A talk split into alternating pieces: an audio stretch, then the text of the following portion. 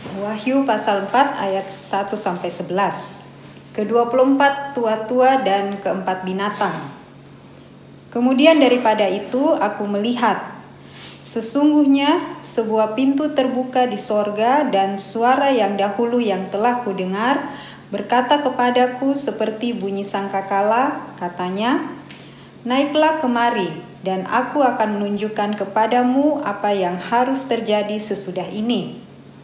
Segera aku dikuasai oleh roh dan lihatlah sebuah tahta berdiri di sorga dan di tahta itu duduk seorang dan dia yang duduk di tahta itu nampaknya bagaikan permata yaspis dan permata sardis. Dan suatu pelangi melingkungi tahta itu gilang gemilang bagaikan samrut rupanya.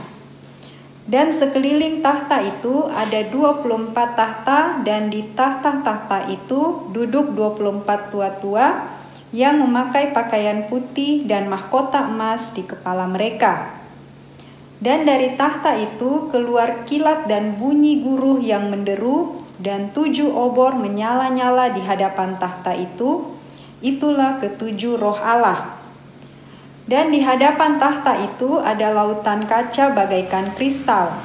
Di tengah-tengah tahta itu dan di sekelilingnya ada empat makhluk penuh dengan mata di sebelah muka dan di sebelah belakang. Adapun makhluk yang pertama sama seperti singa, dan makhluk yang kedua sama seperti anak lembu, dan makhluk yang ketiga mempunyai muka seperti muka manusia, dan makhluk yang keempat sama seperti burung nasar yang sedang terbang. Dan keempat makhluk itu masing-masing bersayap enam, sekelilingnya dan di sebelah dalamnya penuh dengan mata. Dan dengan tidak berhenti-hentinya mereka berseru siang dan malam, Kudus, Kudus, Kuduslah Tuhan Allah yang Maha Kuasa, yang sudah ada dan yang ada dan yang akan datang. Dan setiap kali makhluk-makhluk itu mempersembahkan puji-pujian dan hormat dan ucapan syukur kepada Dia yang duduk di atas tahta itu dan yang hidup sampai selama-lamanya, maka tersungkurlah kedua puluh empat tua-tua itu di hadapan Dia yang duduk di atas tahta itu dan mereka menyembah Dia yang hidup sampai selama-lamanya. Dan mereka melemparkan mahkotanya di hadapan tahta itu sambil berkata, "Ya Tuhan dan Allah kami, Engkau layak menerima puji-pujian dan hormat dan kuasa, sebab Engkau telah menciptakan segala sesuatu, dan oleh karena kehendakmu semuanya itu ada dan diciptakan." Amin.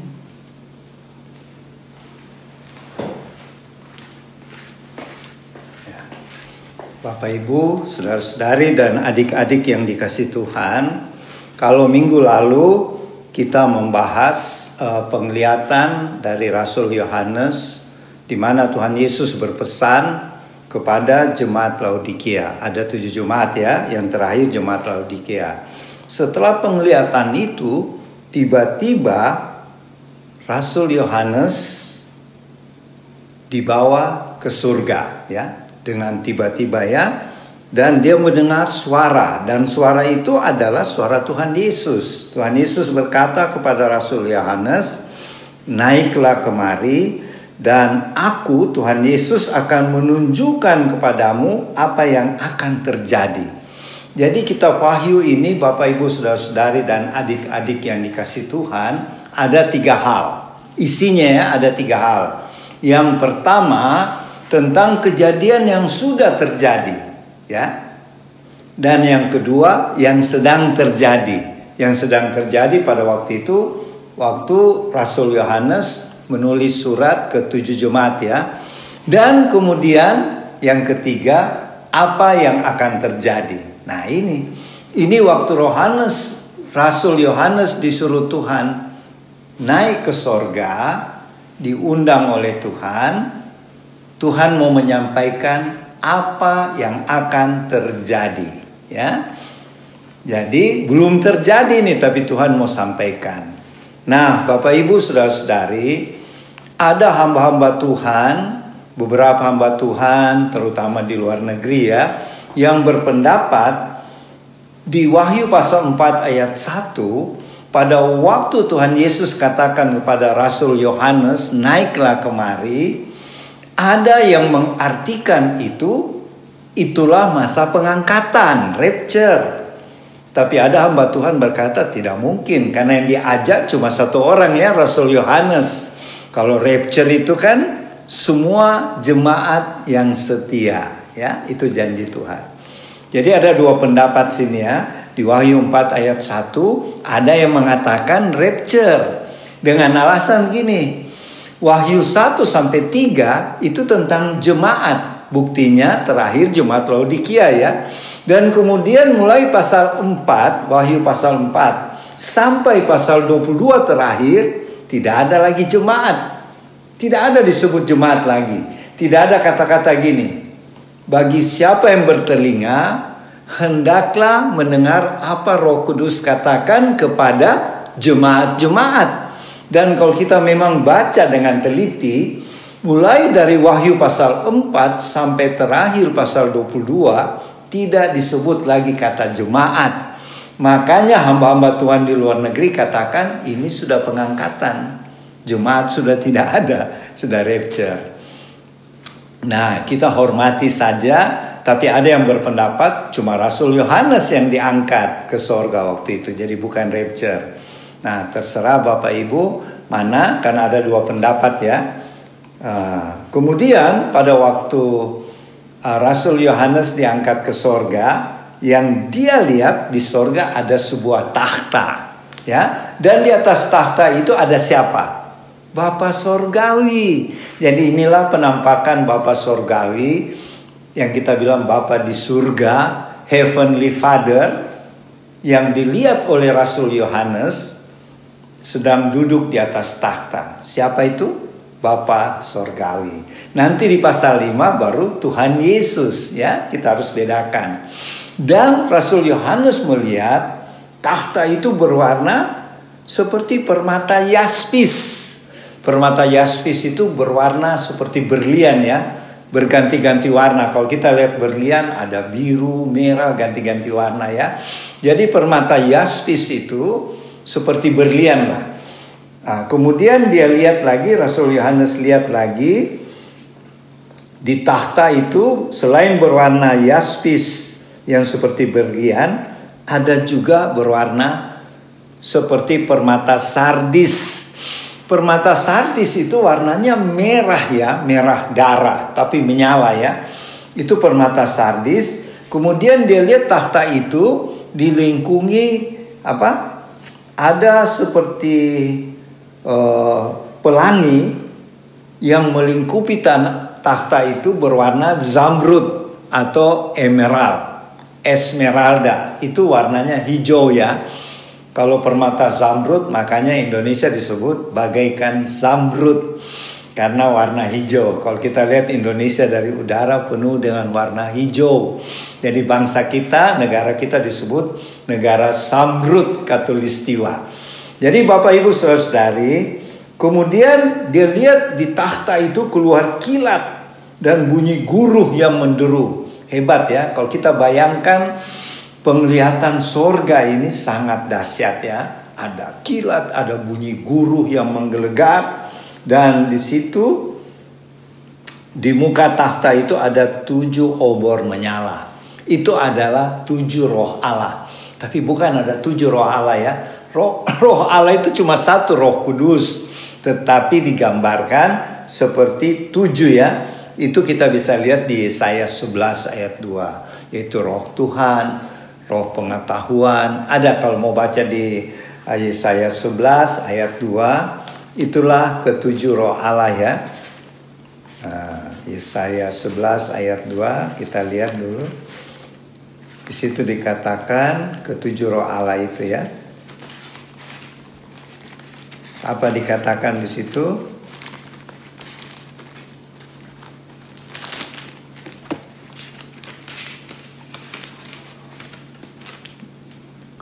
ketujuh roh, roh Allah itu adalah roh Tuhan, roh kudus ya.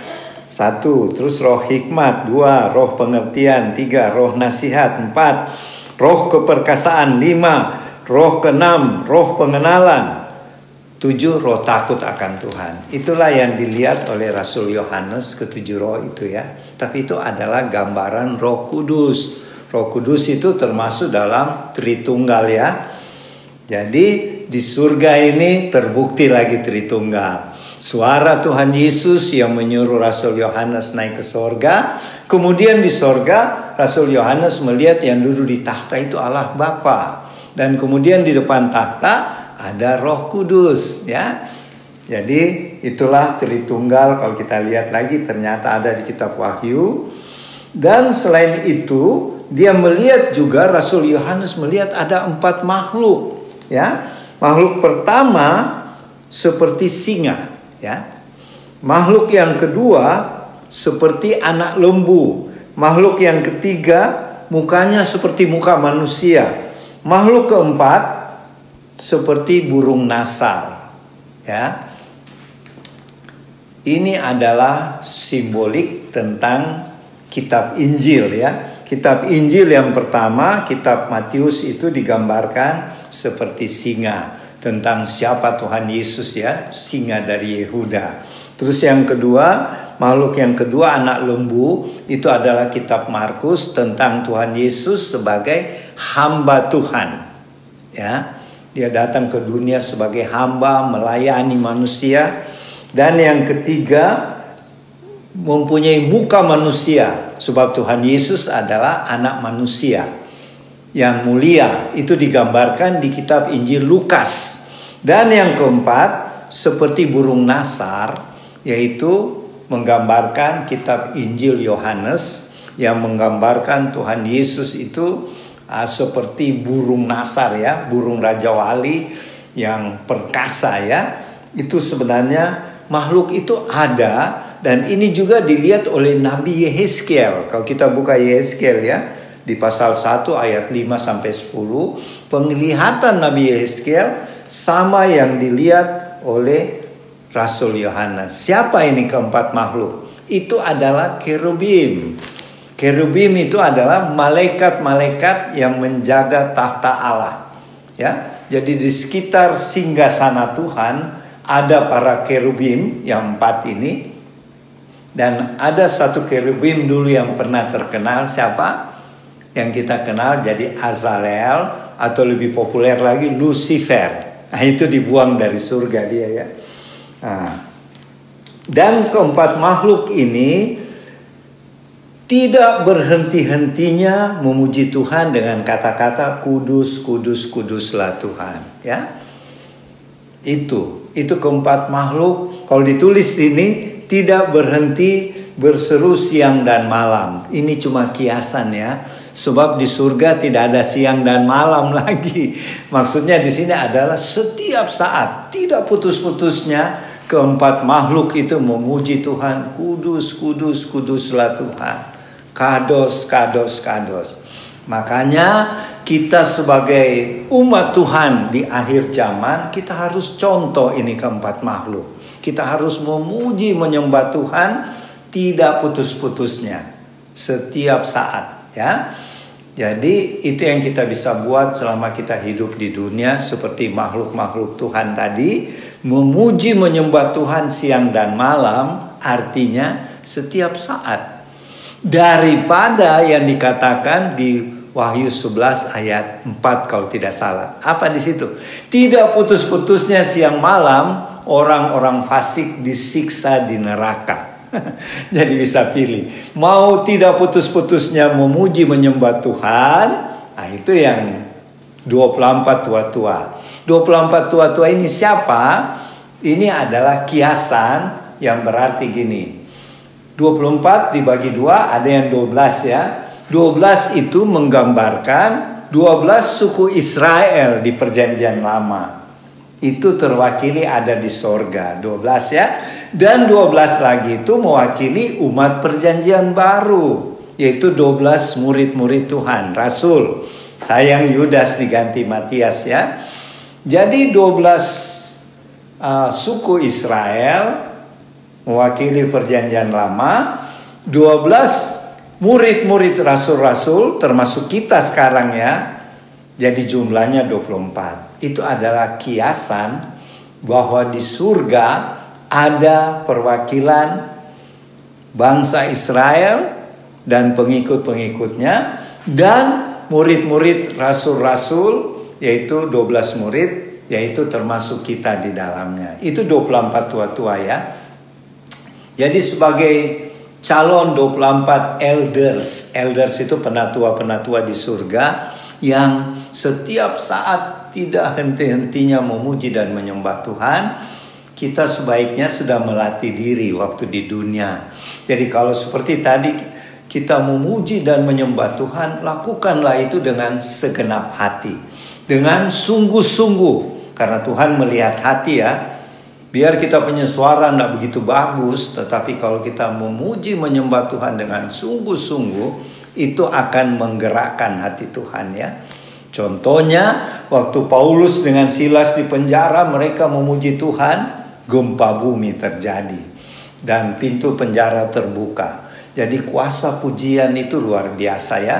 Jadi pelajaran buat kita selama kita ada di dunia ini Selain kita bekerja, bersaksi, studi, uh, apalagi bisnis, jangan lupa terus memuji dan menyembah Tuhan. Lewat sikap kita, lewat pembacaan firman Tuhan, berdoa, memuji dan menyembah Tuhan dalam ibadah seperti saat ini dan kemudian dikatakan ke-24 tua-tua itu melemparkan mahkotanya. Bahasa aslinya sebenarnya meletakkan mahkotanya di hadapan tahta itu. Apa artinya? Bahwa apa pun kemuliaan manusia ketika di hadapan tahta Allah Bapa, kita akan mengakui Allah Bapa lebih mulia dari kita. Maka para tua-tua 24 itu termasuk kita ya, meletakkan kemuliaan kita, mahkota kita di hadapan tahtanya. Itulah dan sambil meletakkan mahkotanya mereka berkata, "Ya Tuhan dan Allah kami, Engkau layak menerima pujian." Ya. Jadi marilah lewat sikap hidup kita, lewat perkataan kita, lewat perbuatan kita, kesaksian dan pelayanan kita itu menunjukkan kita memuji dan menyembah Tuhan. Demikianlah yang bisa saya sampaikan.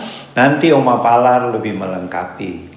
Ya, selamat melayani, selamat bersaksi buat teman-teman warlot dan simpatisan. Ingatlah waktu kedatangan Tuhan sudah dekat. Pergunakanlah waktu yang ada dan sebelum tutup, uh, Opa teringat tiba-tiba kira-kira minggu lalu saya diberi mimpi oleh Tuhan bahwa pada waktu itu saya ada di Makassar ya di kota Makassar dan saya tiba-tiba uh, ditangkap oleh tentara dan polisi dan saya dibawa di kantor tentara Kodim ya kantor Kodim kemudian saya tanya ada apa ini mereka katakan para tentara dan ada juga polisi bahwa kami mendengar mau ada kerusuhan jadi bapak kami amankan karena kami melihat Bapak ini adalah seorang hamba Tuhan ya. Jadi kami amankan supaya tidak uh, terkena dampak kerusuhan. Dan waktu saya mau tidur di kantor Kodim itu, saya berdoa dulu. Tuhan Yesus muncul, nampak, dan saya bertanya, apa sebenarnya keadaan ini? Tuhan katakan, ini adalah menjelang kedatanganku yang kedua kali. Setelah itu Tuhan Yesus hilang dan saya terbangun. Jadi Bapak Ibu Saudara-saudari sebagai akhir kata lewat mimpi saya minggu lalu Tuhan sudah menyatakan waktu kedatangannya sudah tidak lama lagi. Mari kita tetap berjaga-jaga dan berdoa sambil terus semangat bersaksi dan melayani Tuhan. Demikianlah kiranya Tuhan memberkati. Selamat siang Bapak Ibu saudara-saudari di rumah dan di Marlot khususnya. Kita bertemu lagi di tanggal 13 November 2022. Kita sudah membaca dari sekarang tiba pada Wahyu keempat dengan judul ke-24 tua-tua dan keempat binatang. Kalau di terjemahan masa kini cara penyembahan. Itu, itu judulnya ya. Sebenarnya apa yang disebutkan itu sama aja, tinggal kita mau ambil dari mana kita membacanya yang pengertian apa sebenarnya sama. Tetapi dari wahyu yang kita baca ke 24 tua-tua itu intinya. Di situ saya melihat Tuhan berbicara kepada umatnya pada zaman ini, generasi saya tekankan selalu, generasi kita adalah generasi akhir zaman ini Tuhan berbicara di wahyu ini bagaimana Tuhan membuka rahasianya, Tuhan membuka yang mungkin kita tidak mengerti, tetapi Tuhan membuka secara jelas. Kalau orang biasa yang membaca, biasa dalam arti uh, membawa firman Tuhan itu menjadi pegangan untuk cara hidup. Kalau kita hayati itu, itu menjadi patokan kita. Tapi kalau kita betul-betul mau melihat Tuhan, cara menunjukkan Tuhan di dalam hidup kita, Tuhan mau kita lakukan apa, pasti kita juga akan dibimbing pada apa sebenarnya hidup kita. Ya. Dan dia berakhir bagaimana? Karena tuh waktu kita mencari Tuhan di dalam firman standar yang Tuhan berikan adalah bagaimana kita hidup sebenarnya. Di situ kita akan menemukan Tuhan dengan caranya yang luar biasa karena dia yang membentuk kita, dia tahu kita. Dia akan membimbing sampai kita kita sendiri akan bertanya hanya satu kata yang keluar, apa ya hidup kita? Karena waktu kita mencari dia, setelah itu kita kembali ke dunia nyata, setelah itu kita mungkin dalam kita menapaki dunia nyata kita mendapat lagi masalah, kita kembali karena itu Tuhan katakan dan kita semua tahu bahwa standar hidup kita adalah Alkitab, adalah suara Tuhan. Nah, kalau kita benar-benar mengerti ini tidak menjadi standar yang hanya menjadi hukum dan kita lakukan tanpa kita mengerti sebenarnya hukum itu apa, hidup itu apa, dan itu akan jadi seperti biasa saja. Tapi kalau kita mengerti, kita bawa hidup kita, kita bawa firman Tuhan menjadi rambu kita, ya, sampai kita akan diketemukan oleh karya Roh Kudus, karya Tuhan sendiri, kita akan mengatakan Tuhan, sebenarnya kita ini apa? Tuhan melihat kita tidak sepotong-potong. Setiap hari Tuhan melihat kita. Ya, kita tidak bisa membawa nalar kita manusia seperti bagaimana ya Tuhan. Nah, kita punya pemahaman ini terhadap Tuhan yang kita harus belajar, kita harus pelajari mengenai wahyu, mengenai cara penyembahan seperti yang saya baca di Alkitab masa kini ya terjemahan masa kini dan yang sekarang ke-24 tua-tua dan keempat binatang itu harus sebelumnya harus dimengerti dulu. Kalau sebelumnya kita kita sekarang mau mengerti ini tidak bisa mengerti kalau kita tidak mengerti dulu apa apa sebenarnya kita hidup kita di dalam Tuhan. Apa sebenarnya Tuhan mau kepada kita. Jadi itu saya selalu ulang-ulang, mari kita intim dengan Tuhan intim bukan bukan saja untuk mencari makan ya pakai tapi intim itu menjaga hidup kita tetap di jalur Tuhan dan Tuhan akan ketemukan ini. Ini kita sudah sampai pada kitab Wahyu keempat. Sebelumnya tadi Opa sudah katakan ya, tadi juga pasti ibu di rumah Bapak Ibu di rumah sudah melihat ketujuh jemaat. Nah, saya katakan dulu sedikit mundur, ketujuh jemaat itu jangan kita hanya baca, kita harus lihat kita ada duduk di jemaat yang mana. Karakter kita, kelompok kita, gereja kita, ya. Persekutuan kita, ya kecil besar, kita ada di di, di tujuh jemaat itu kita ada di jemaat yang mana. Saya tidak ulangi supaya kita bisa maju di situ, ya. Karena di situ ada koreksi dari Tuhan.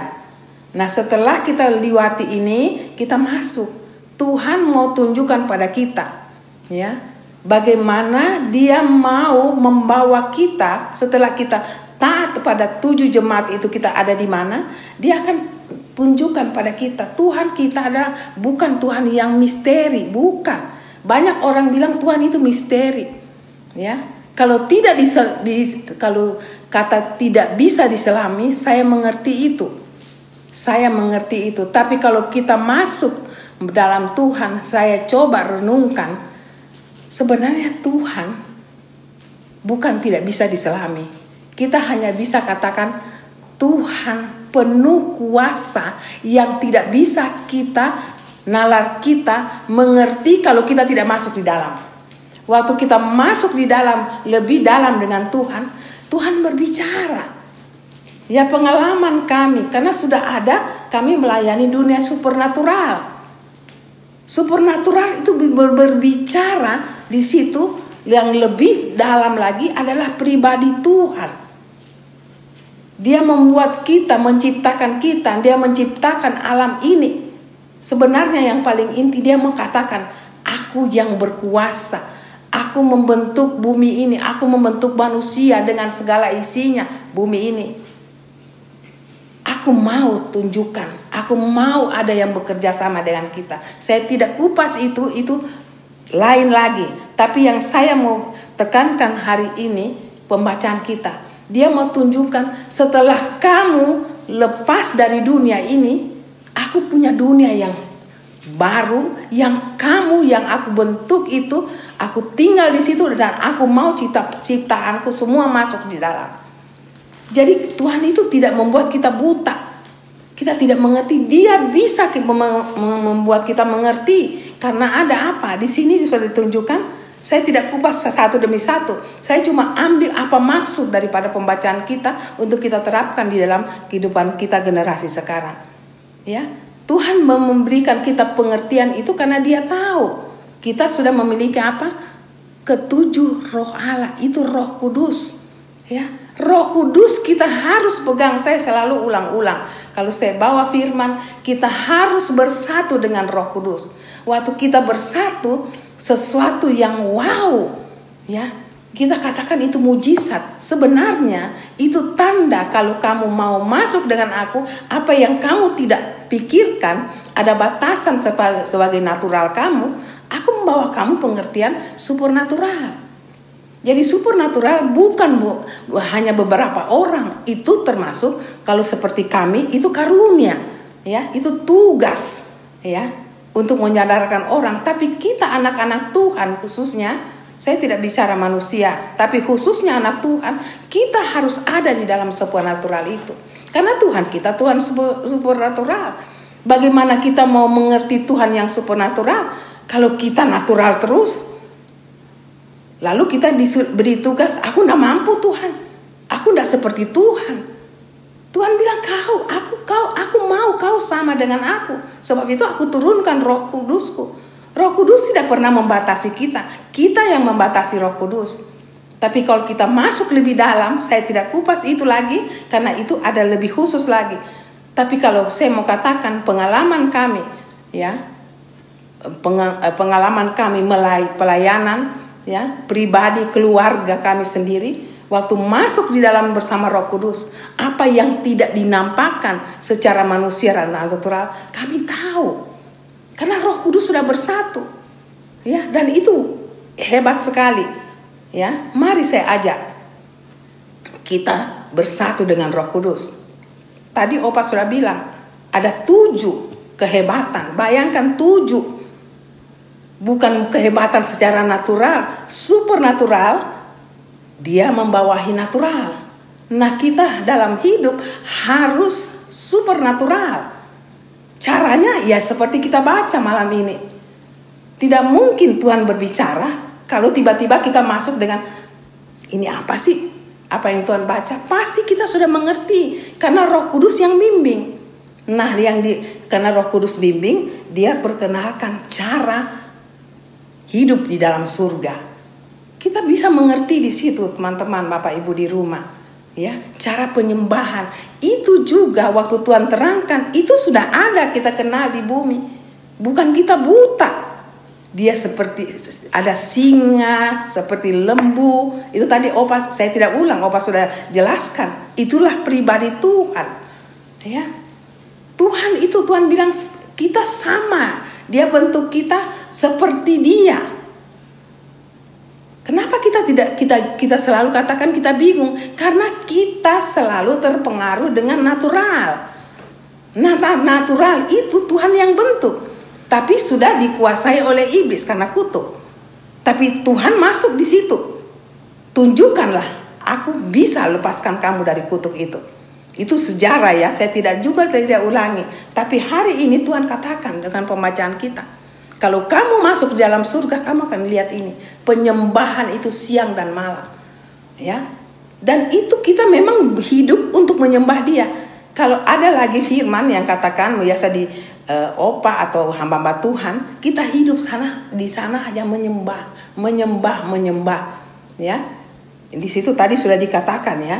Jadi tapi yang saya tekankan di sini tujuh roh Allah dan pribadi Tuhan ada di keempat makhluk dengan segala kehebatan yang di dunia tidak bisa ada itu. Dan Tuhan berikan itu. Eh, Tuhan Tuhan berikan untuk kita mengerti kalau kita sudah bersama dengan Dia. Itu luar biasa. Tuhan mau perkenalkan. Apakah kita tidak tertarik? Di situ tidak ada kata-katakan penyembahan, tapi kita harus cari bagaimana ya. Di sini saja dia sudah katakan masuk dengan rohku. Itu tujuh roh itu itu betul-betul Roh Kudus dia sudah ada di dalam bersama kita. Sedangkan di dunia dia bisa betul-betul betul-betul hidup di atas natural, apalagi sudah supernatural. Jadi saya tidak panjang di sini. Mari kita melihat untuk mengerti lebih dalam lagi pasal 5 dan seterusnya berakhir itu udah masuk. Yang belum terjadi Tuhan sudah beritahu. Jadi tidak ada pertanyaan di dalam hidup anak-anak Tuhan khususnya. Sebenarnya Tuhan mau semua manusia tapi saya berbicara sekarang, kami berbicara adalah anak-anak Tuhan. Supaya kita tidak tidak bingung. Tidak merasakan bagaimana ya. Sebenarnya Tuhan itu terbuka. Cuma kita yang ketakutan. Kenapa ketakutan? Karena daging kita. Aku aku tidak bisa begitu Tuhan. Aku tidak bisa hidup dengan kau berteriak Tuhan, Tuhan tolong. Padahal Tuhan sudah tolong kita. Kita yang membawa diri sampai kita jauh dari Tuhan. Ya, saya tidak kupas itu lagi karena saya cuma kasih tahu kehebatannya Tuhan, dia membuka dirinya, cara penyembahan dan seterusnya akan kita mengerti. Ya, saya ulang-ulang di sini supaya kita tidak bingung. Tuhan perkenalkan dirinya kita memuji Dia. Jadi itu kalau kita di dalam e, berbakti kepada Tuhan, kita selalu mulai dengan penyembahan, mengerti ini. Di situ ada Roh Kudus, ada e, kehebatan, ada Tritunggalnya ya. Yang tadi Opa katakan, ya. Tritunggal tetap. Tuhan Yesus, Bapa dan Roh Kudus berkarya. Tetap. Jadi Tuhan itu kekal dia tidak putus-putus. Terus kalau kita mau lihat rencana hidup kita di hadapan Tuhan, banyak anak-anak Tuhan khususnya mengatakan saya tidak mengerti rencana Tuhan itu apa bagi saya. Sebenarnya kita yang tidak mau mengerti. Tuhan memberi tanda banyak, memberi wawasan yang begitu luas, cuma kita sering lari dari jalurnya. Bagaimana cara penyembahan di dalam Tuhan? Tuhan sudah buka semua, tinggal tinggal kita buka hati. Ini Tuhan, Roh Kudus bekerjalah. Saya mau melakukan ini untuk saya bisa mengerti lagi lebih jauh. Yang terutama pakailah Tuhan di dalam dengan karya Roh Kudus di dalam kehidupan kita setiap hari. Hanya itu Tuhan memberkati. Kiranya Roh Kudus melengkapinya di rumah bagi Bapak Ibu sekalian. Sampai bertemu minggu depan, Maranatha.